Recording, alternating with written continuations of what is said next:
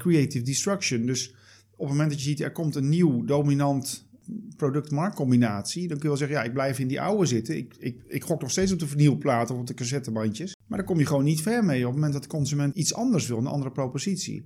Dus je zult mee moeten bewegen met die markt. En tegelijkertijd is vaak ook moeten realiseren dat het, het nieuwe model, laat maar zeggen, het online bestellen en thuis laten bezorgen, dat cannibaliseert op je bestaande model.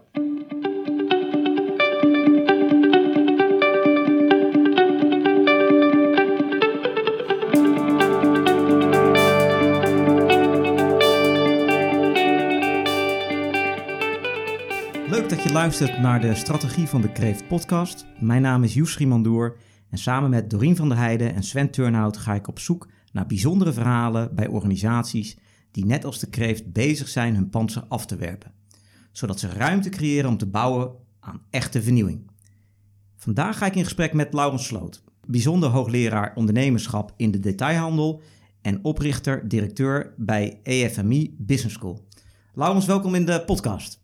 Ja, ik vind het wel leuk dat het over de strategie van de kreeft gaat. Want ik ben mezelf een uh, novemberkind, dus ik ben een schorpioen. Maar die zal wel een gelijksoortig vernieuwingsproces hebben, denk ik.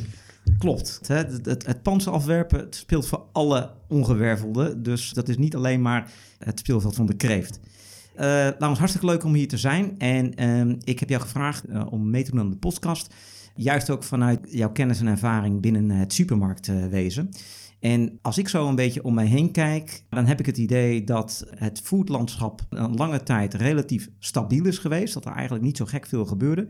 En dat er nu opeens allerlei nieuwsoortige initiatieven, nieuwe businessmodellen, nieuwe distributiesystemen ontwikkeld worden. Waardoor die markt een beetje op zijn kop lijkt te worden gezet. Uh, hoe kijk jij daarnaar, uh, Laurens? Nou, ik denk dat je in de basis wel gelijk uh, hebt dat het vrij lange tijd uh, vrij stabiel is geweest. En ik, ik zeg wel eens van, uh, kijk, als je kijkt naar dat supermarktconcept als zelfbedieningsconcept, dat is eigenlijk uh, na de Tweede Wereldoorlog vanuit Amerika naar Nederland komen, komen overwaaien. En met name zeg maar, in de jaren 50 en 60 zijn er veel ketens gestart met dat concept. En die hebben eigenlijk hun positie uitgebouwd. Dus moet je bijvoorbeeld denken aan de familie Hoogvliet, de familie Van der Broek, familie Linders. Uh, en die hebben eigenlijk nog steeds een, een hele goede positie. Ja. En in die zin heb ik wel eens gezegd, joh, de, de, de, de, de food retail sector ziet er eigenlijk uit als een monopoliebord.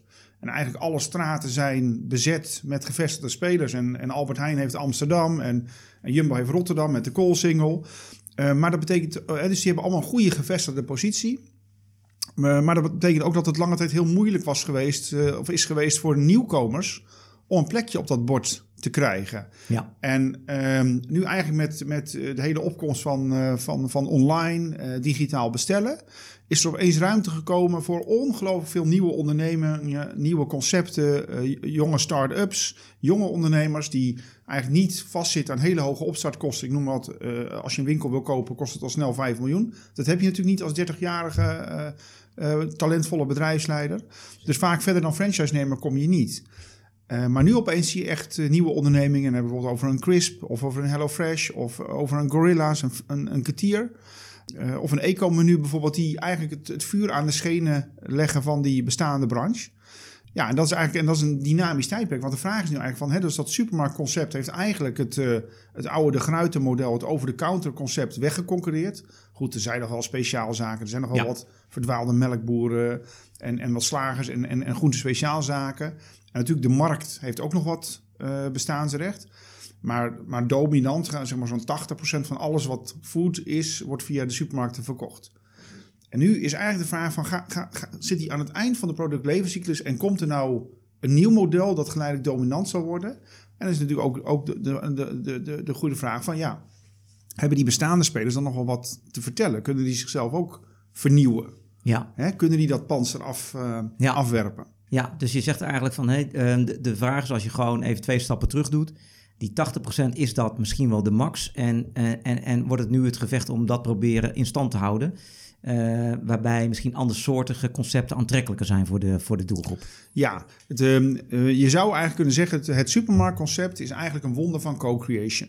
Mm -hmm. als het nog niet was uitgevonden en je zou het moeten uitvinden, zou je zeggen: dat is een mooi modern marketingconcept. Wij zetten het voor u klaar. De, de, consument komt naar de winkel. Die doet zelf zijn orderpick, brengt het zelf thuis. Zet het in de koelkast en de vriezer en kookt ook zelf de maaltijd. Geweldig eigenlijk als je er zo over nadenkt. Ja, dat bespaart heel veel handjes. Ja. En dat, daar hebben we een behoorlijk tekort aan. Maar aan de andere kant zien we natuurlijk ook dat, dat die consument steeds vaker ja, met zijn telefoon bezig is, met zijn iPhone en iPad. Ehm, eh, gewend is om heel veel dingen online te kunnen bestellen. Hè, eerst was dat heel veel non-food, of het nou speelgoed was of kleding. Ja. Waarvan we misschien 10, 15 jaar geleden ook dachten van ja, wie gaat er nou een schoen eh, bestellen via eh, internet? Want ja, die wil je toch passen? Precies. Maar ja, je bestelt er gewoon drie. En eh, als, als ze alle drie niet goed passen, stuur je ze alle drie terug. En, en passen er twee paar niet goed, dan stuur, stuur je die terug. Ja. Dus we zijn dat gewend. De volgende golf was dat we steeds vaker eh, thuis eten lieten bezorgen. Eh, bestellingje bij New York Pizza of via thuisbezorgd bij de lokale sushi Mhm. toko. En, en meer en meer wordt eigenlijk thuis, wordt, wordt echt een thuisbasis, hè, waar, waarvan alles eh, ook besteld wordt. Nou, en dan, is eigenlijk, en dan zie je nu eigenlijk de opkomst van de concepten. Dat mensen zeggen, nou, ik wil nog steeds gewoon boodschappen doen. eh, Wekelijkse boodschappen, dagelijkse boodschappen.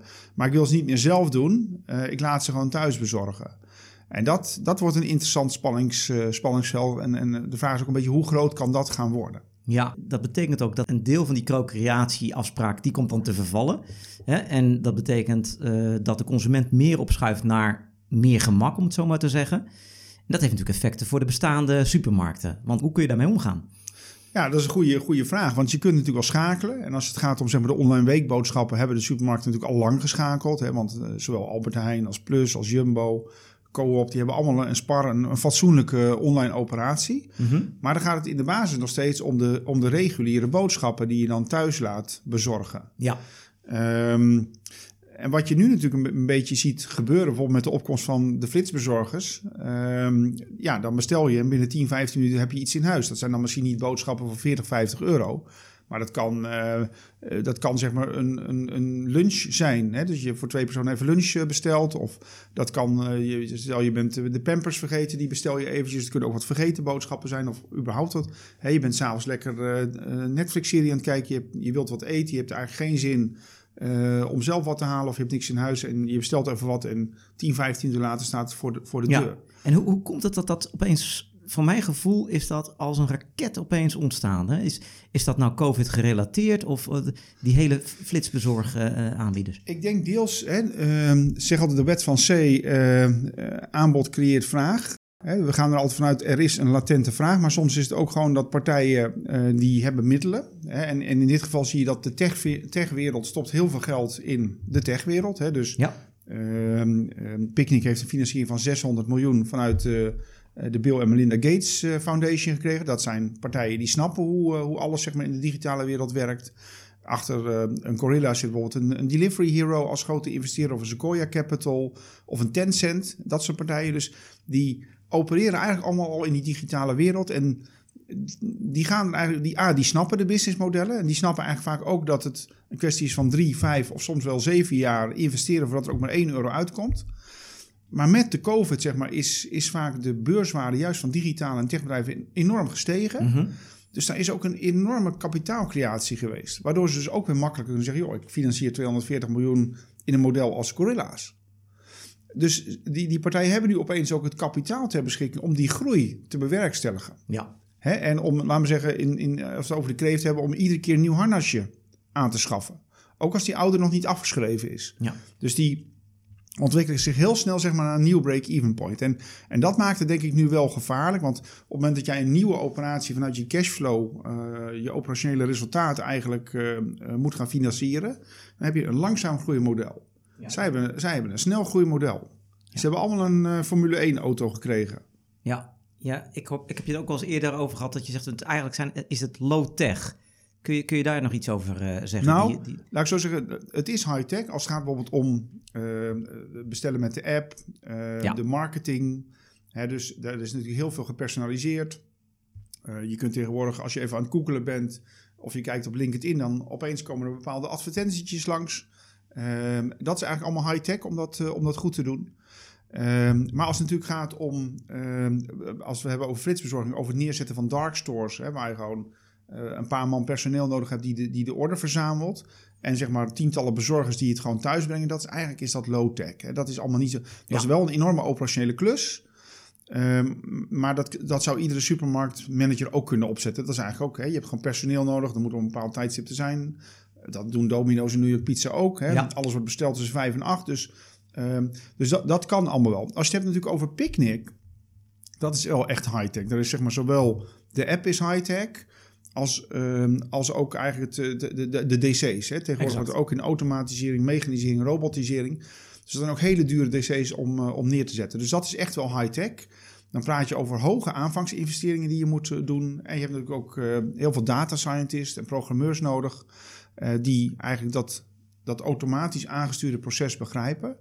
Eh, en dat, dat is in zekere zin ook wel bedreigend voor de, voor de supermarkt. Want dat is kennis en kapitaal dat ze niet zomaar 1, 2, 3 hebben. Ja, eh, meegaan met zeg maar, die wekelijkse online boodschappen. Dat kunstje, dat, dat beheersen eh, de, de bestaande supermarktpartijen eh, inmiddels vrij aardig tot vrij goed. Maar die, die impuls aankopen, dat is ingewikkelder om, daar, om daarmee om te gaan. Wat, wat, wat zie je daarin gebeuren nu in het, bij de bestaande spelers? Nou, nog niet zoveel. Hè? Dus Nee. wat, je, wat je wel ziet in, ehm, in eh, Frankrijk en Engeland, dan zie je wel dat bestaande spelers eh, zoals Tesco en Casino, die zijn gaan samenwerken met bijvoorbeeld een Gorilla's. Ehm, een Flink, uh, Rewe werkt bijvoorbeeld samen met Flink, hè, dus doet ook een stukje inkoop. Dus er kan op heel veel gebieden natuurlijk samenwerking plaatsvinden. Eh, als je bijvoorbeeld kijkt naar een Gorilla's, doet bijvoorbeeld eh, de Boonsgroep, die doet de inkoop en die, die bezorgt de vestigingen. Nou, eh, dat, dat soort modellen, volgens mij macro's, dacht ik bij Ketier, maar kan, hè, de- dat soort partijen. Ja, Kijk, wat er natuurlijk op een gegeven moment gaat gebeuren, als die partijen groot genoeg zijn, gaan ze zelf inkopen. En dan hebben ze een eigen distributiecentrum, die zeg maar al die dark stores gaat, gaat beleven. Maar in de opstartfase wordt er eigenlijk al samengewerkt. Ehm, eh, maar het- ik, ik verwacht eigenlijk ieder moment dat een Albert Heijn of een Jumbo of een Plus eh, zegt van... joh, we gaan samenwerken met een Gorilla's of met een, een Flink of een Zep. Of we gaan een eigen dienst eh, starten, dat kan natuurlijk ook. Eh, maar ze moeten hier wel wat mee. ja, Eh, zeker in de grotere steden en in de eh, studentensteden, eh, daar zie je eigenlijk dat dat concept redelijk omarmd wordt. En natuurlijk kun je zeggen, ja, eh, zitten we daar op te wachten eh, op dit moment? Want eh, er is een heel lage werkeloosheid. Het is al moeilijk genoeg om voldoende handjes in de zorg te krijgen. Mhm. En ja, het zorgt voor overlast in de buurt, want je hebt allemaal mensen die heel hard op die elektrische fiets aan het, het rijden zijn. Dus er zitten wel een aantal maatschappelijke vragen zitten eraan vast. Maar feit is dat de vraag vanuit de consument is er inmiddels wel.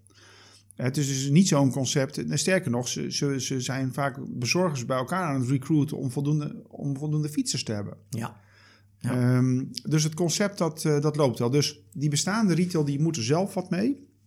Maar wie weet eh, komt er een partij die gewoon zegt... joh, weet je, eh, we hebben een app... en, en vanuit die app ehm, eh, kun je uit iedere winkel 1500 of 2000 artikelen bestellen. Nou, dan garanderen misschien niet 10 minuten, dat in 10 minuten thuis... maar in 20 minuten. Precies. En dan kun je misschien zelfs nog wel een iets groter assortiment doen van 3.000, 4.000 artikelen. En dan gebruik je dus eigenlijk je gewone winkel als een soort white store. Dus geen dark store, maar een white store. Dus kunnen en gewoon klanten komen en je hebt gewoon wat runners die een stukje orderpick doen. Nou ja, stuur gewoon twee, drie, vier fietsen naar die winkel. En eh, zeker als het gaat om zelfstandige ondernemers, die lossen dat heus wel op met personeel. Ja, if you can't beat them, join them, wordt het dan, hè? Vanuit het... Ja, eh, dit is dan co- copy them. Copy them. Maar het zou ook heel goed kunnen zijn. En eh, kijk, thuisbezorgen of takeaway is natuurlijk eigenlijk ook wel rot geschrokken. Eh, want die wilden dit eigenlijk nooit doen. Het, het liefst wilden ze gewoon lekker alleen het commissiemodel Ja. doen. En al die complexe bezorging maar overlaten aan de restaurants eh, zelf. Ze zien nu eigenlijk dat die flitsbezorgers... die bouwen eigenlijk een, een fantastisch last mile netwerk op. Ja. En zij voelen natuurlijk ook, ook wel aan degene die de last mile heeft... en die dat goedkoopst kan doen. Dat zou eigenlijk wel eens de winnaar van morgen kunnen zijn. Dus zij moeten nu noodgedwongen ook gaan schakelen. Hè. Dus Jitse Groen van Just Eat Takeaway heeft ook aan de beurs beloofd. Wij gaan nu ook grote stappen daarop eh, op, op zetten. Ja, Ehm, dus het zou ook heel goed kunnen zijn dat, ehm, dat zij een stuk bezorging gaan, eh, gaan doen namens Albert Heijn of namens een AH2Go of namens Jumbo. Waarmee, eigenlijk, waarmee zij eigenlijk ook heel snel in het hele land een soort flitsconcept kunnen, kunnen uitrollen. Dus ik ben echt heel benieuwd wat daar gaat, eh, gaat gebeuren. En, en, en eh, terugkomend naar die 80% hè, waar we in het begin van het gesprek over hadden. Je ziet dus dat er vanuit andersoortige nieuwe concepten daaraan gesnoept wordt. Hè? Of dat nou die maaltijdboxen zijn, of zijn dit soort flitsbezorgers, of eh, nieuwe online spelers. Hoe wapen je je daartegen? Hè? Want hoe zorg je dat je wel bij je kracht blijft en dat je toch meegaat met die veranderende klantbehoeften? Hoe, hoe kijk je daarnaar? Ehm, ja, you have to kill your own baby. Hè? Ja. Het is een beetje wat uh, Schumpeter eh, ons altijd eh, doseerde hè, bij, de, bij de lessen economie. Eh, creative destruction. Dus op het moment dat je ziet er komt een nieuw dominant product-marktcombinatie, dan kun je wel zeggen, ja, ik blijf in die oude zitten. Ik, ik, ik gok nog steeds op de vernielplaten of op de cassettebandjes. Maar daar kom je gewoon niet ver mee op het moment dat de consument iets anders wil, een andere propositie.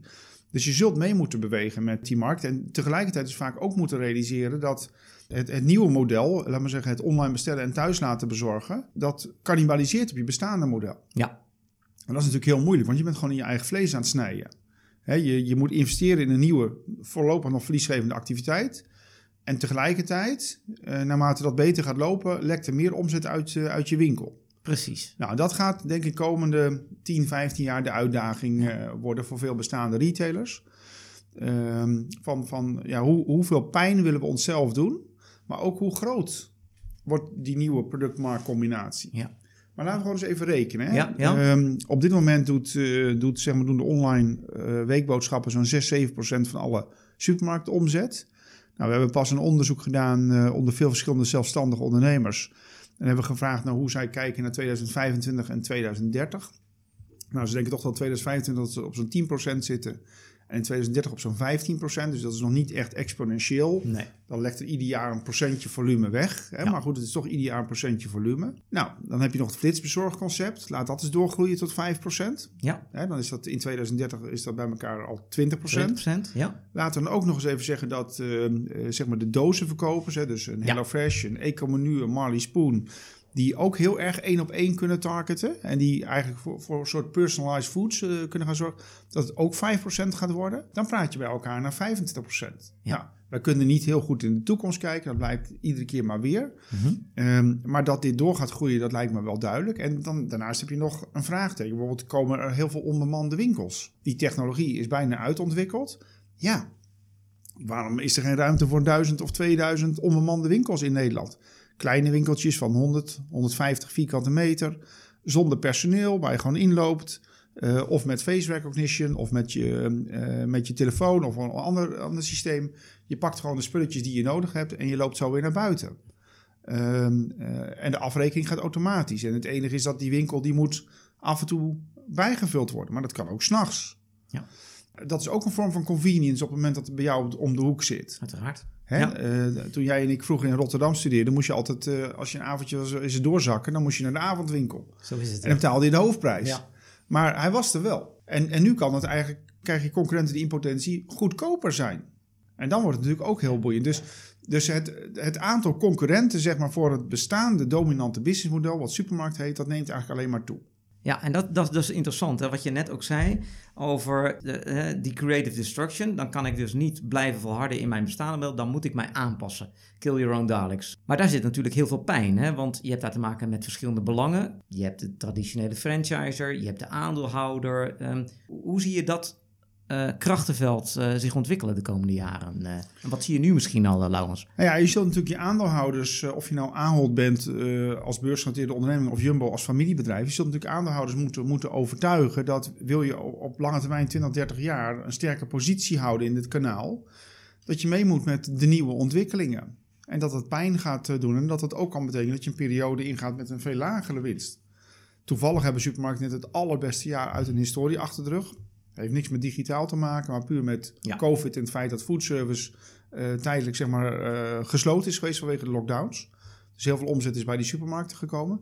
Maar ja, je moet het dak repareren wanneer de zon schijnt. En het zon heeft de afgelopen jaren geschenen. Dus een deel van het geld, of je nou franchise-nemer bent of gewoon een filiaalbedrijf, dat moet je eigenlijk reserveren voor toekomstige investeringen.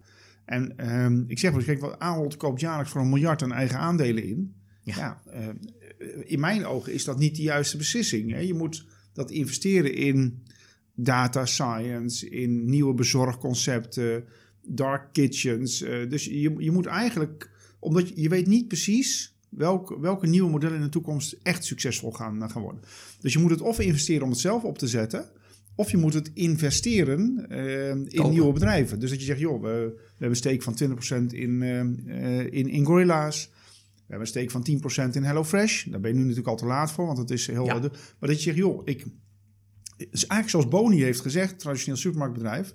Wij helpen Picnic met de opstart. Dus wij investeren erin. Hè. Ehm, eh, we gaan niet zelf eh, heel veel doen in online. Nee, maar we investeren in een gespecialiseerd online Je bedrijf. wordt meer een investeringsbedrijf dan eigenlijk. eh. Ja, maar op die manier kun je natuurlijk ook, hè, investeringstechnisch defensief kun je het blokken. Ja. Een, an, een, een andere model is dat je zegt, maar ik wil de omzet zelf houden. En dan moet je inderdaad zelf in online, in flitsbezorging, in uh, foodboxes, in uh, onbemande winkels, moet je daar zelf in gaan investeren. Dat Ja. kan ook natuurlijk. Nou, je zegt dat kan ook, hè? eh, alles kan. Past het ook bij de bestaande organisatie, bij de bestaande structuren, bij... Nou, De- een, een aantal organisaties wel. Hè. Die, hebben, die hebben de resources, de, de skills, dus ook het talent zeg maar, in, in huis. Hè, zoals een, een Ahold, om dat te doen.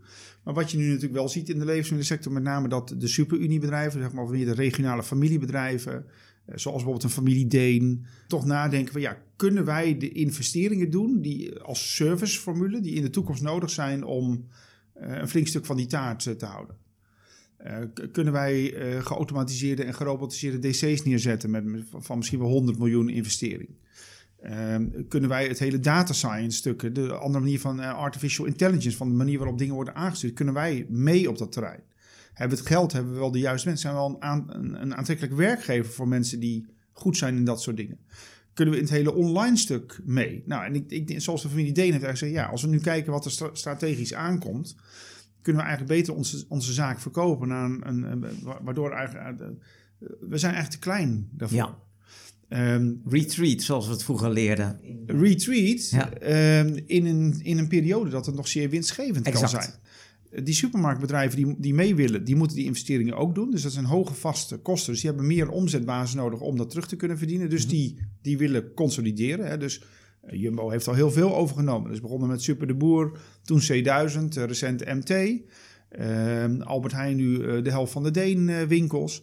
Ehm Coop en Plus hebben eigenlijk de eigen beweging gezegd... joh, laten we fuseren. Dan gaan we eigenlijk eh, naar zo'n 10, 11 procent marktaandeel. Eh, dus, dus wat we eigenlijk aan de ene kant zien van de branche... is een enorme consolidatie om niet eens zozeer kosten te besparen... maar zeg maar om de investeringen te kunnen doen en te kunnen terugverdienen... op een, op een grotere omzetbasis. Aan de andere kant van de branche zie je eigenlijk een soort fragmentatie... en opkomst van allerlei nieuwe concepten. Heel spannend ook. ehm, ehm, vaak ook gefinancierd met durfkapitaal die eigenlijk zich richten niet op de consument van vandaag, maar op de consument van morgen. Ja. En wat bij mij nog blijft hangen is wat je er straks zei over een Ahold. Weet je wat ik ga doen met mijn geld, wat ik verdiend heb? Ik ga mijn aandelen opnieuw inkopen. Wat is dan die terughoudendheid die daarin zit? Hè? Want de analyse die jij nu maakt, hè, van hey, laat ik gewoon eh, op dat nieuwe speelveld gaan investeren hè? En, en dan eh, spread your risks. Hè? Die analyse zullen zij ook gemaakt hebben. Hè? Ja, maar het punt is natuurlijk dat, ehm, kijk, Ahold, heeft, Delhaize heeft te maken met, met haar eigen aandeelhouders. Ja.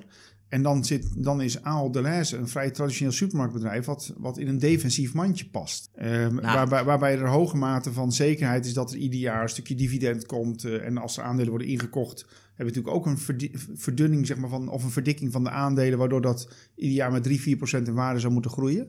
Dus dat is een zekerheidje. En op het moment dat je nu opeens zegt, ja, we gaan geen dividend meer uitkeren, we kopen ook geen eigen aandelen in, maar we gaan allerlei spannende avonturen aan met flitsbezorgers en met foodboxen en met unmanned stores. En dan zeggen ook die aandeelhouders, ja, maar eh, jullie zaten bij ons in een defensieve mandje, dus als Hallo. jullie daar niet meer in zitten, dan stappen we wel over op een ander, hè, dus eh, een, een ander bedrijf. Dus dat, dat is makkelijker gezegd dan gedaan. Aan de andere kant, het management van een bedrijf eh, is in eerste instantie verantwoordelijk om het bedrijf een goede toekomst te geven. Ja. Dat is iets anders Ja. dan de aandeelhouders. Natuurlijk, de aandeelhouders zijn wel stakeholder, maar eigenlijk als directeur ben je verantwoordelijk voor het bedrijf. Zo is het. En voor de mensen die daar, eh, daar werken. Dus, ehm, maar goed, uiteindelijk heb je ook een goede beurskoers nodig om ook daar weer de juiste dingen. Dus het zou heel goed kunnen zijn dat dat een overweging is geweest van Aal Delhaize om te zeggen, joh, we brengen bol.com naar de beurs. Ik weet Ja. niet hoeveel procent, maar stel dat ze beginnen met 20 procent. Mhm. Ehm, misschien wel tegen een, eh, een waardering van 10 miljard. Hè, dat kan makkelijk twee keer de omzet eh, zijn. Harken ze 2 miljard eh, mee binnen. Daar doen ze eigenlijk dan, een, dat kunnen ze dan zeg maar risicovoller investeren. Hè, dus ze kunnen eigenlijk de opkoopprogramma's gewoon door laten lopen. Ze hebben, ze hebben flink wat kapitaal om in allerlei spannende avonturen te, te investeren. En by the way, op het moment dat 20% van de aandelen van bol.com voor 2 miljard is gewaardeerd, dan is bol.com voor 10 miljard gewaardeerd. En dat is ongeveer een derde van de hele beurswaarde van Ahold Delhaize. Dus dan zal die hele beurswaarde ook gaan groeien. Omdat je een waardering hebt voor de overige 80% die nog in jouw bezit zijn. Dus het is wel een master move, eh, vind ik, die, eh, die Ahold maakt. Want ze houden grip op bol.com.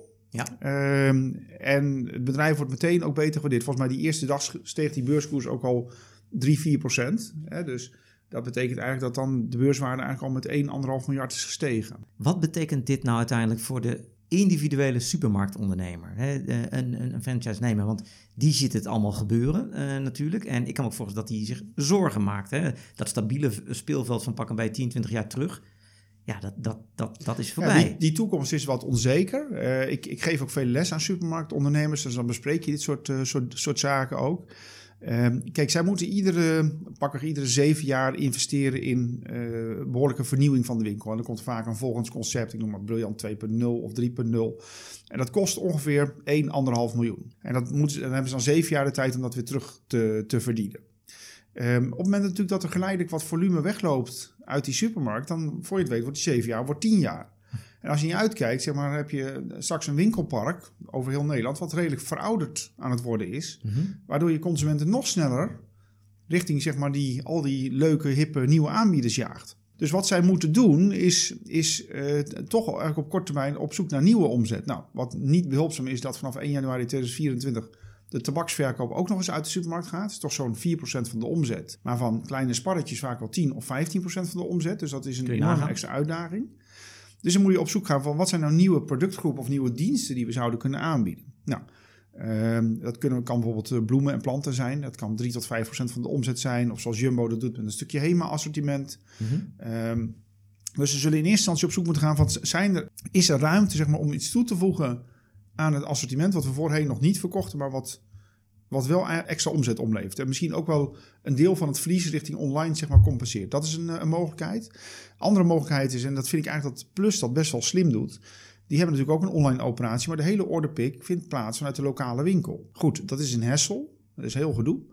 Maar je houdt wel de omzet in de winkel. Ja. En, en uh, dus ook de dekking van, van alle kosten en de investeringen die je daar moet, uh, moet maken. Ja, dus dat lekt niet weg. Dat lekt eigenlijk dus niet weg. Alleen het voegt wel extra complexiteit toe aan, aan de operatie. Andere doorontwikkelingen, dat zien we natuurlijk ook uh, bij veel supermarkten gebeuren. Kijk, die consument wil steeds meer convenience. Niet alleen convenience in het hele bestelproces, nee. maar ook in, in hoe je dat eten moet klaarmaken. Dus die hele bezorgmarkt van kant-en-klaar, uh, of zeg maar kant-en-klaar, maar ook van, van ready to eat, zeg maar. Ik noem wat een, een pizza die neemt ook toe. Dus je ziet ook eigenlijk dat, dat de supermarktbedrijven zijn, in de nieuwste concept zit bijna altijd een keuken, een makerij. Um, hè, dus er staat een pizza over, of er worden verse broodjes gemaakt. Of, ja. of er worden, hè, dus er wordt steeds meer in die winkel geproduceerd. Dat brengt natuurlijk ook een stukje complexiteit met zich, uh, met zich mee. Maar ook heel veel toegevoegde waarde. Hè, ja. dus, dus die franchise-nemers die zijn niet voor één gat te vangen. Die houden echt wel vertrouwen in dat, uh, in dat bedrijf. Maar die, die, die, investeringsniveaus worden ook hoger. Want even een keuken realiseren in, in je winkel met een pizza over erbij dat zijn natuurlijk andere investeringen dan wat, wat stellingen. Snap ik. Ik moet opeens denken, gek genoeg, aan de, aan de bouwsector, waar je ook een soort industrialisatie aan de gang ziet met meer met. Eigenlijk ga je dus meer prefab in, die, in de supermarkt uh, voedsel prepareren. Dus eigenlijk zie je eenzelfde soort ontwikkeling terug in die keten, waardoor je uiteindelijk meer gemak voor de gebruiker creëert. Ja, je kunt nu bijvoorbeeld een, een pizza kopen van Dr. Utker en dan stop je hem thuis in de, in de oven. Maar dat kan ook zijn zeg maar, dus dat, je, dat je hoogwaardige, kwalitatief hoogwaardige pizza's, hè, laat maar even zeggen van New York pizza kwaliteit, ja. uh, die, die eigenlijk al bijna kant-en-klaar worden, worden aangeleverd in de winkel, waar nog heel weinig aan hoeft te gebeuren, gaat in de oven. En die kun je als een fantastisch vers product uh, verkopen en thuis leveren aan de consument. Dat kan. Maar dus je kunt eigenlijk zoeken naar toegevoegde waarde, nieuwe productgroepen, nieuwe ja. diensten. Maar je zult tegelijkertijd ook moeten kijken hoe kan ik kosten uit die winkels slopen. Kan ik zeg maar uh, over op 100% zelfscanning. Kan ik, moet ik misschien wat snijden in mijn assortiment, waardoor het hele bestel, het onderhandelingsproces, maar ook het bijvulproces eenvoudiger wordt en goedkoper. Ja, dus wat kan ik doen om, om kosten uit die winkel te jagen, om dat concept zo lang mogelijk competitief te houden. En we begonnen bij de kreeft. En ik vind het ook mooi om daarmee af te sluiten dan. Hè? Want um, uh, de, kreeft, van... de, kreeft, gaat gewoon in de pan, uh, ja. Einde kreeft. Ja. Zo is het. Die kreeft die, die moet kwetsbaarheid tonen door, de, door zijn panzer af te werpen. Als je nou kijkt naar juist deze transitie die jij benoemt. Hè? Aan de ene kant dus kijken waar ik kosten kan, kan weghalen. En aan de andere kant opschuiven richting het gemak en, en de serviceniveau en de gewenste voedselbehoeften van, van de doelgroep, dat je daar juist moet investeren. Wat is dan het lastige in dat afwerpen van het panzer? Vanuit concernniveau, maar ook vanuit die individuele ondernemer. Ik denk in essentie hoeft het panzer niet, niet af te, te werpen. Want nee. dat supermarktconcept, eh, daar zal geleidelijk wat omzet uitlopen. Maar dat, dat blijft nog wel 20, 30, 40 jaar in stand. Ja. Maar ze moeten eigenlijk zorgen voor heel veel offspring. Dan komt het eigenlijk uh, heel veel nakomelingen. Ah, Ehm, heel veel kleine kreefjes ja. die nieuwe gebieden gaan, gaan opzoeken die zelf ook weer groter worden. Dat kan een flitsbezorgingskreefje zijn, dat kan een foodboxkreefje zijn, dat, kan, dat kunnen kreefjes zijn die in onbemande winkels gaan zitten. Die ze of zelf zeg maar gaan, ehm, ga- gaan doen of daarin participeren. Ja. Kijk, het is dus in die zin niet zo'n transitie als die we hebben gezien bijvoorbeeld bij Netflix. Hè, dat je van Ja. videobanden op een gegeven moment eh, naar, naar streaming gaat. Waardoor ja, dat eigenlijk in vijf jaar tijd het oude concept helemaal niet meer valide is. Dat zie ik bij supermarkten niet Nee, gebeuren. nee. En dus, dus die krijgt eigenlijk het oude portfolio-model, als ik je dan zo hoor. En die zegt van, ik heb gewoon nog die hele grote cash cow waar we nog decennia mee vooruit kunnen. Ja, Maar we moeten tegelijkertijd meebewegen, dan wel in kopen, dan wel in ontwikkelen, in die nieuwe initiatieven. ja, dat zeg je goed. Hè? Dus je hebt een aantal cash cows waar je misschien je investeringsniveau ietsje terugdraait. eh, om ruimte te maken voor nieuwe concepten waar je in moet eh, investeren. De vraag is wel, dat is eigenlijk een beetje het oude model zoals we vroeger ook op Erasmus Ja. eh, leerden. Was volgens mij dat het BCG-model. Ja, eh. BCG-matrix. Ja. Het, het punt is natuurlijk, toen gingen we er eigenlijk nog vanuit dat die nieuwe activiteiten geld kosten, maar dat je dat vanuit je bestaande cashflow zou kunnen doen. Maar je wordt nu geconfronteerd met concurrenten die gefinancierd zijn met durfkapitaal. Exact. Dus je houdt het tempo gewoon niet bij. Nee. En, dat, en dat maakt het huidige spel denk ik toch wel, wel anders. Dus, eh, dus misschien is het wel zo, eh, if you can't beat them, join Oh, them. Dus kijk, die, de, de gorilla's van deze wereld willen ook snel groeien. Supermarkten hebben door heel Europa, zitten al in alle steden. Daar ligt dus al assortiment. Dus door zeg maar samen te gaan of te participeren, kun je ook, kan zowel zeg maar die, die flitsbezorgers kunnen snel groeien, als kun je zelf ook mee profiteren in je hele supply chain en je inkoop. Ja. Ehm, dus dat zou wel eens eh, eh, een, een verstandige move kunnen zijn. Mooi eh, afsluiter en dank ook voor jouw inzichten in de supermarktwezen en alles wat er in de foodmarkt speelt. En daarmee komen we eigenlijk alweer aan het einde van eh, deze podcast. Eh, nogmaals dank eh, voor je bijdrage, Laurens. En uiteraard ook dank aan alle luisteraars. Vergeet je niet te abonneren via je favoriete podcast-app, zodat je ook automatisch een seintje ontvangt wanneer er weer een nieuwe aflevering verschijnt van deze podcast, De Strategie van de Kreeft.